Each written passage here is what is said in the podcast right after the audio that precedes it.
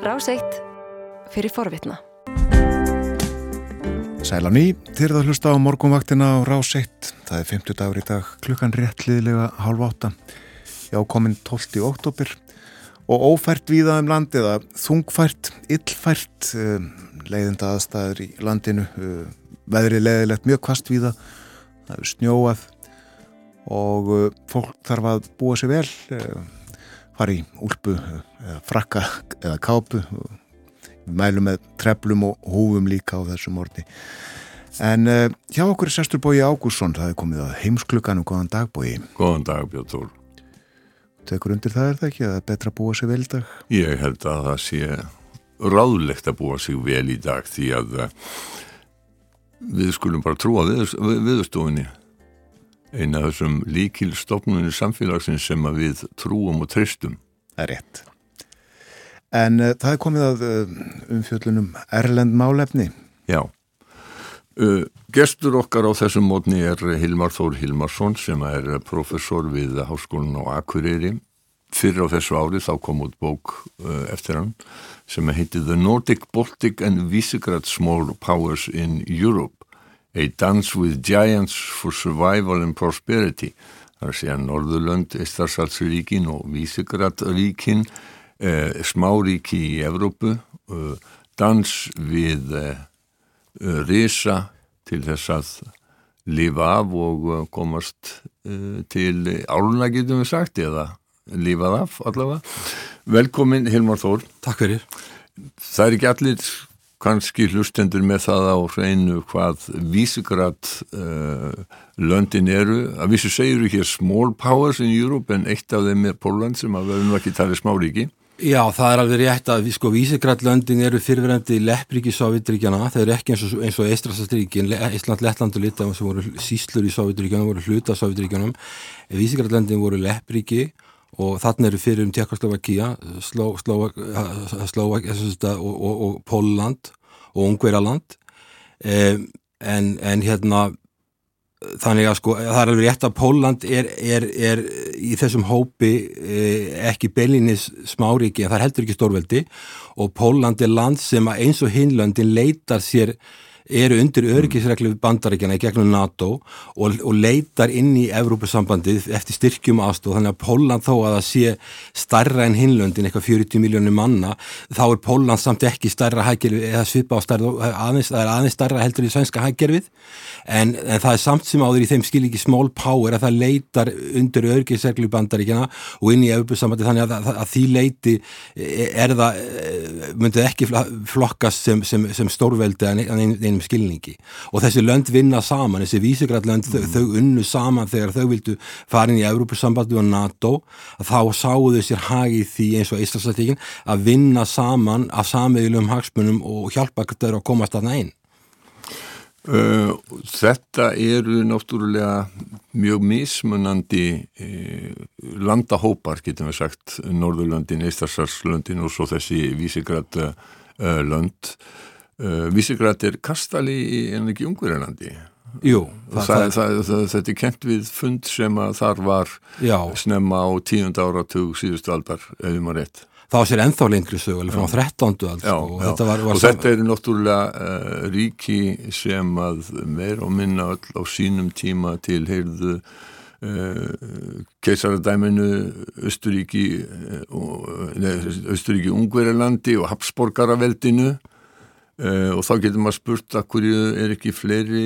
ríki sem að voru þar með eins og til dæmis Slovenia uh, og uh, Östuríki var náttúrulega ekki leppríki í Sovjetiríkjana það má svo sem segja að Slovenia sem eitt af ríkjum Júkoslavi hafi verið undir játnæl kommunismas eins og hinn Já, já, en þess að vísigrallandina hafa verið að vinna saman, það hefur verið talað um að stækkun vísigrallandana og vísigrallandin vinna líka með öðrum löndum mm. og eins og fyrir um Júkoslavi löndunum, vísigrallandin vinna líka með Norrlöndunum. Það eru haldnir sameili fundin Norrlandana, Eistastasturíkjana og vísigrallandana og svo eru Vísigrætlandi eitt Vísigrætlandi þannig að Póland er mjög tengt inn í tengt Eistrasaltríkjónum og tengt í hérna, tengt Póland og Litáin eru mjög tengt, þannig að þetta eru svona ákveðin landahópar sem vinna saman en svo vinnaðu út fyrir landahóparna eins og Eistrasaltríkin er, er hópur en þau vinna náið með Norðurlandunum líka undir það sem er kallað Nordic Baltic 8 þess að átta landahópur.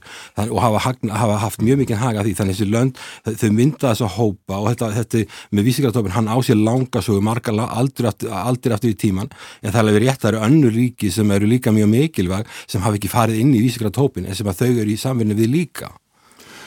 Uh, og þú, þú segir að, að óttin við Rúsland sé einn megin ástæða þess að löndin hafi vinni svona náið saman. Og þau hafa náttúrulega erðna ástæðu til þess að óttast Rúsland Já, Rúsland náttúrulega er stórt í samaburði og, og það er laung saga uh, þarna, sko uh, Eistland Eistland og lit Lettland eiga östu landamæri við Rúsland sem eru mikið vandamál og við, við, þessi landamæri er rússar í meiri, er, er svona etnikrössins er rússar í meiri hluta. Eftir að rússarnir skiptum bara voru í þjóðotninsreinsunum og, og, og, og sendu fólk til Sýberi eða í útleiðingu þar og settu, sendu rússa í staðin það, og þetta það, er tiltölu að nýlegt, þetta er 20. aldar dæmi eftir, eftir að rússar til dæmis lögðu Eistarsalslöndin undir síðan 1940. Já, þetta, þau gerði tóku mikið að hæfileika ríkasta fólki í þessu löndum í Lettlandi og Íslandi og það er minna í Litáin uh, til Sýberíu og, og þetta er náttúrulega alveg gríðarlega erfið saga og þessi lönd leita sér,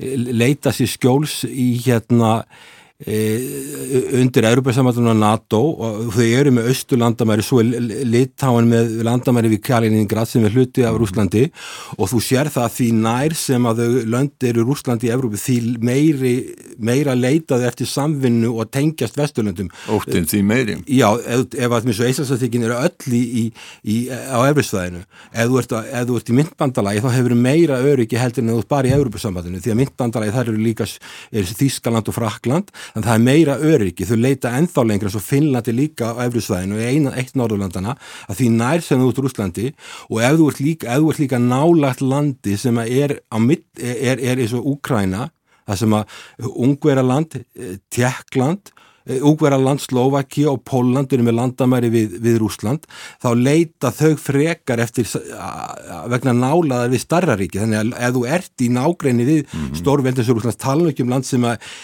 sem að líðræði er ófullkomið og það er óstöðuleiki og, það, og, og landið er líka mjög vígvægt þá leitar þau frekar undir öryggisreglíf einhverja starri samtaka og þá er blasið erbjörnsambandið og efru við og svo NATO. Þannig að það, það er alveg ljóst að þessi ógn þessi lönd vinna saman út af því. En, en þau, þau fara mismunandi geist, til og með svo Finnland fór ekki inn í Európa-samvættu fyrir 95 þau sóttum aðeins bara strax 91 þegar Sovjetríkin fjallu, því Sovjetríkin fjallu þá notaði tækifærið. Og svo núna þegar uh, Rúsland ræst inn í Ukrænu að þá uh, og, og, og gengur ekki vel allavega í byrjunstríðsins þá stökku er inn í NATO. En þeir vilja komast eins tengjast vesturlöndum eins nánu böndum mm -hmm. eins og hægt er og sérstaklega er áttafið um Eistrasastríkin mm. ef þú tekur vísigrallöndin þá eru þau, það er bara Slovæki sem eru öfru sveðinu þannig að þeim finnst, e, þau finnst þeim ekki eins ógnað, þau eru starri þeim er ekki eins mikið ógnað eins og Íslandsstatíkjum, en samt sem áður þá eru þau mjög ákveðin að tengjast inn í þetta kerfi. Hafðu það ekki líka eitthvað með það að segja að hvorki Tjekkland neða Póland á þeim tíma þegar þau ganga inn í Európa-sambandið uh, uppfylltu skilirinn fyrir því að taka upp efru? Eflaust hefur það með það að gera en þessi lönd eru með alltara stefnu í ríkisfjármálum heldur, eftir eisasætleikin þá eru þau með mjög lítið ríkisvald, lága skatta og litla ums, lítil umsvig eh, eiginlega ekkert velferðarkerfi. Vísegrænlöndin hins vegar eru með ákveðin velferðarkerfi. Umsvið ríkisins eru, eru meiri hjá þeim, þau eru með starra velferðarkerfi. Og það þýðir líka að, að, að, að ríkisfjármálunum þurfa að vera sveianleiri mm. og þá verður meiri hall á ríkisjóði og þau, það er alveg rétt, ég fer yfir það þau eiga erfiðara með að uppfylla skilir við Evrópusambansum sem 3% halla af, af verkið landsfjármálumslu þau hafa, eiga erfiðara með að uppfylla þessi skilir því, en Póland hefur viljað vera með sveianlega efnaðastöfnu og þeir hefur ekki vilja að taka upp efruna. Mm. Uh, en gildi það sama um, um já, til dæmis lönd eins og Tjekkland uh, og uh, Ungveriland, ég bara þekki ekki, við vitum það að lönd sem ekki eru með evru sem formlega mynd eru þó tengt evrun eins og danska krónan sem að er bara í rauninni, getum við sagt annað hitti á, danst hitti á evru því að uh, krónan er tengt evrunni. Sko, da, já, Danir höfnuðu Maastricht samkómuleginu á sínum tíma Jú. og þess, þess vegna fengur þeir opt-out, þessi svo kallar, þeir þurfu aldrei að taka efruna upp en þessi lönd hins þegar hún nefnir öll vísgræðlega verða á einhverju tímanbili það er bara bara að taka efruna upp þau verða að taka efruna upp eins og svíjar verða að gera til þetta, einhverju tímanbili það er bara ekki tímasett og erbjörnsambandi þrýstir ekki á það því það er ekki eins og svíð þá var efruna hafnað í þjóðarækskagreyslu og þá veit erbjörnsambandi það þýðir ekki að þrýsta á það.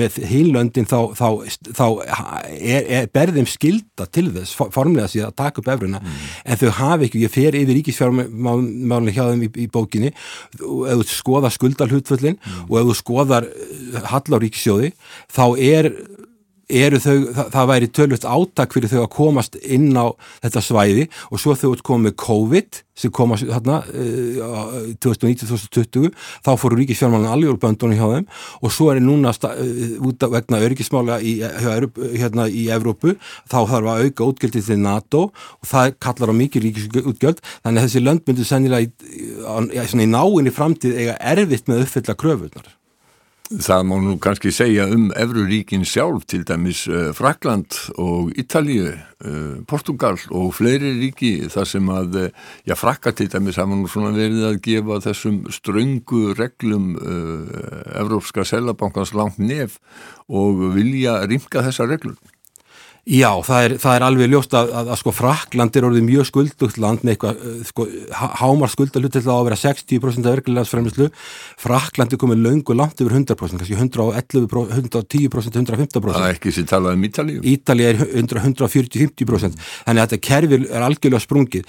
Í COVID þá var ekkert Evruríki sem fullt, uppfyllti þessi skilirði uh, um, um Evrópussambans og, skil, og reglurna voru afnumdan tímanbundi, mm. en það eru, þau komið stórlöndi svo Frakland Frakland og, og hérna og, eh, og, og hérna Ítalju sem er langt, langt í frá og í fyrirsjáðanlega framtíð geta, geta alls ekkert náð þessu markmiði. Og svo Gríklandi líka bara randamál lengi, náttúrulega 200% en þeir eru bara svo lítið í samanbyrjum að skiptir ekki miklu máli fyrir heildina. En þetta kerfi er algjörlega sprungið. Það koma kreppur öðru korf, við vitum það það kreppar 2008-2009 síðan kemur COVID, síðan kemur Úkrænstrið og við vitum ekki hvað kemur næst. En tíminn sem líður á milli, hann hann er á skammur fyrir þessu lönd að ná skuldarhullalunum niður. Þannig að kerfið er í raunverulega löngu sprungið en bara COVID og svo úkrænstriði það er svo mikil umræðum það, mikla áhyggjur á öryggismálum að efnaðasmálinn verða er ekki mikil til umræð og það gerist bara eða út með öryggismáli í ólægi þá fá, fá efnaðasmálinn minni umræðu en það er svona benda og er alveg árið. Uh, í þessari bókðinni þá er eiginlega hver kapli hann getur við sagt stendur sér, þetta er svona eiginlega sér uh, ítalið rítgerð og, og þú tala meðal annars um, um Evrópusambandið og Evrópusamvinuna uh, eftir Brexit uh, Má ég spyrja aðeins um það hvernig, hvernig, hvernig séu þú stöðu Breitlands innan Evrópusamvinnu í framtíðinni? Við vitum að nú er komin svona, já getum við sagt enn einn vettvangurinn þar sem að eru uh, Uh, þar sem að breytar eru með og að fundur núna á spáni bara fyrir hvaða hálfa mánuðið eða svo. Uh, það, það, það er enginn, það er í rauninni það sem við getum sagt svona kannski með miður virðulegi orða, orðalagi kæftaklúpur því að það er ekki uh, leittóafundur sem er með formlega dagskrá og menn geta í rauninni eh, reynda að koma sínum málum að alveg eins og, og Ítalija og Breitland reynda á þessum fundi að, að, að sveia þetta í átt að flottamanna eh, vandamálunu. Hvar koma breytar inn í, inn í eh, samstarf Európaríkja, formlega og óformlega að þínu uh, viti? Ég held að það geta alveg orðið ljós hvar, hvar, hvar Breitland endar í þessu en Breitland, það sem er vandarælt við þetta fyrir, fyrir Európa er það að Breitar voru eru ennþá fjármála miðstöð hérna Evrópu. En? Fer minkandi sem afleðinga því að þeir segja svo út úr þessu samstarfi. Ég, ég held að það hafi verið mist og ég var, var, var gestaprofessor í Cambridge hérna, fyrir nokkrum árum og það kom alveg fram að sko eins og aðilar eins og borgir eins og Cambridge og Oxford og London voru algjörlega á mótið þessu og töldu að Breitland þetta heima þessu samstarfi. En brettar hafa, það er eitt sem brettar hafa alltaf verið mjög ósáttir við. Það er það að hjá Örbjörnsamöndun þá hefur frangatsjóðið Örbjörnsamöndun hún frumkvæð Ég vil ekki segja englendingarsvegar vegna þess að skotar og norðurírar þeir vildi halda þessu samstarfi áfram. Já, og það er alveg rétt hjá þér að það er skotar eru ekki á sömu blaðsíðu og englendingar en ég held, ég vil allt Bretland, brettar er allir í affil hafið haft og kannski, kannski, e, e, kannski frekar ekki einlýtingar, ég veit það ekki. En allavega þeir voru ekki ánaði með það að, að ólýðræðislega, þeir sem ekki líðræðislega kjörnir hefðu frumkvæða lagasetningu eins og er hjá Europasambandinu og það var ákveðin svo, svoleiðis vandamál sem breyta sætti svo aldrei almenlega við að það eru venjulega kjörnir fulltrúar sem hafa frumkvæða lagasetningu og gera frumvörp á slíka hluti. En, en Breitland eh, náttúrulega þarf aðganga samiðilegu markaði Europasambansins og það er verið að vinna þessi mál en landið það ekki, gengur ekki vel hjá þeir hafi ekki fullan aðganga samiðilegu markaði og, og slíki hluti þeir vöru og þjónist og þetta er allt í ykkur óvissu. Svo náttúrulega er Írland alveg sér kapitali þar sem náttúrulega er að hluta til í Europasambandinu og hluta út. Þetta er í mótun, þetta er, þetta er óheppilegt til í Breitland og líka bara fyrir Evrópu. Og svona hefur þetta áhrif á styrki því að Breitland er, var næst stærsta eða þriðja stærsta hækkerfi Evrópusambansins svipað á Frakland og þegar þeir hægt að greiðin í kerfi þá törflaði líka í Brussel varandi framlög til miðaustur-Europalanda en, en sko Breitland er í vissri óvissu og efnaðsmálinn hafði ganga frekar illa. Uh, því ég spáði í nýri spáð uh, alþjóða gældirisjósins að af stærstu efnaðarsvíkjum heimsins á næst, í mannúki nákvæmlega tímabili á næstunni að þá muni verða minnstur hagvöxtur eða mesta, mest í samdrátturinn í, í Breitlandi og efnaðarslímins efnaðars, svona horfurnar í efnaðarsmálum séu ekkert sérlega bjartar þar en það er kannski hérna, uh, önnur umræða, tíminn flýgur frá okkur heimlar þór. Þú hefur skrifað talsvert um Úkrænu og Úkrænu stríðið og þínar skoðanir eru svona aðeins öðruvísi eh, heldur en margra annara sem að hafa fjallað um þetta. Þú vilt eiginlega kenna uh, Úkrænistjórna verulegu leiti um það að rússar hafi ráðast inn í eh, landið eða er ég oft tólka það sem þú segir? Það, það er miskilingur. Ég held að þegar lönd er að sækjast eftir, eftir svona einhvern samverðina við NATO eða, og Evrópusambandið þá þurfaðu að velja rétta tíma. Það var í Búkarest 2008 sem var talað um að Úkræna færi inn í NATO mm.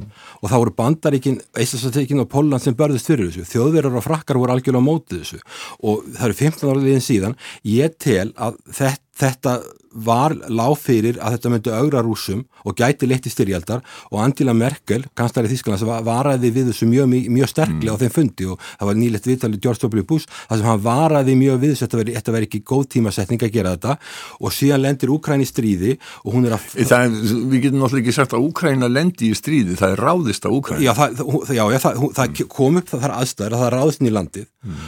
og, og það var lág fyrir hjá rúsum að þeir myndu taka þessu mjög illa og því miður gerðist þetta ég tel að ef þú ferði svona ef þú tekur svona róttaka ákvörðun þá þarf hún að vera raunhæf. Og það var aldrei raunhæft og er ekki ennþá raunhæft En þessi ákvörðun var aldrei tekin vegna þess að það, það lág alveg ljúst fyrir að allarsætsbandalagi ætlaði að geta að hleypa Úkrænu inn, hvorki allarsætsbandalagi en ég e, Evrópussambandið ætlu að Úkræna var, var, var, var sko langt niður á listanum þannig að maður skilur ekki alveg hugsan á tengslinn e, tengslinn millir þess sem ekkert er á dagskrá um, í næstu framtíð að það sé einhver sérstök öðrun við, við, við rúsa og gefið þeim ástafi til þess að ráðast inn í Úkræninu. Það stendur í samþygt fund, uh, Búkarastfundarist í april 2008 mm. að Úkræna muni farin í NATO og, og hérna þetta var raun, raunverulega óþarfi það sem að Úgræn hefði gert, hún var byrjuð að, að semja um aðelda Európa-samlunum eins og Finnland gerði fyrst, Finnland tók Európa-samlunum fyrst og svo NATO. Já. Það var komið samkómula association agreement millir Úgrænu og Európa-sambansins, hann að Úgræna var byrjuð smátt og smátt að fikra sig inn í Európa-sambandið. Það var í fullum gangi. Úgræna var ekki orðin formlegur hérna, umsóknaraðili Nei, ekki það, hún var komið association agreement og hún átti möguleika á að fikra sig og fá styrkil ef lönd fá svona, sko rúsar voru konu með slíkt hérna með slíkt hérna samkómulag við allarsarspandalagi voru konu með skrifstofu í aðalstöðum bandalagsins þeir, þeir, þeir sótt allir um aðild Nei, þeir sótt aldrei um aðeins, en þetta er eh, að þessu leitinu til að þá er þá að tala um einhverja fjarlæga framtíð og það getur alltaf verið kassurspelli eða orsök það, það er mjög viðkvæm ég, ég álít okkur en hefðu takað ærbjörnsamöndi fyrst með NATO þá hefðu hún að fara frekar eins og finnar að fara mjög varlega þanga til hún var nærði að vera tilbúin. Og, og Boris Johnson, að því hún var að tala um Breitland hann hefur gagnýtt það mjög harlega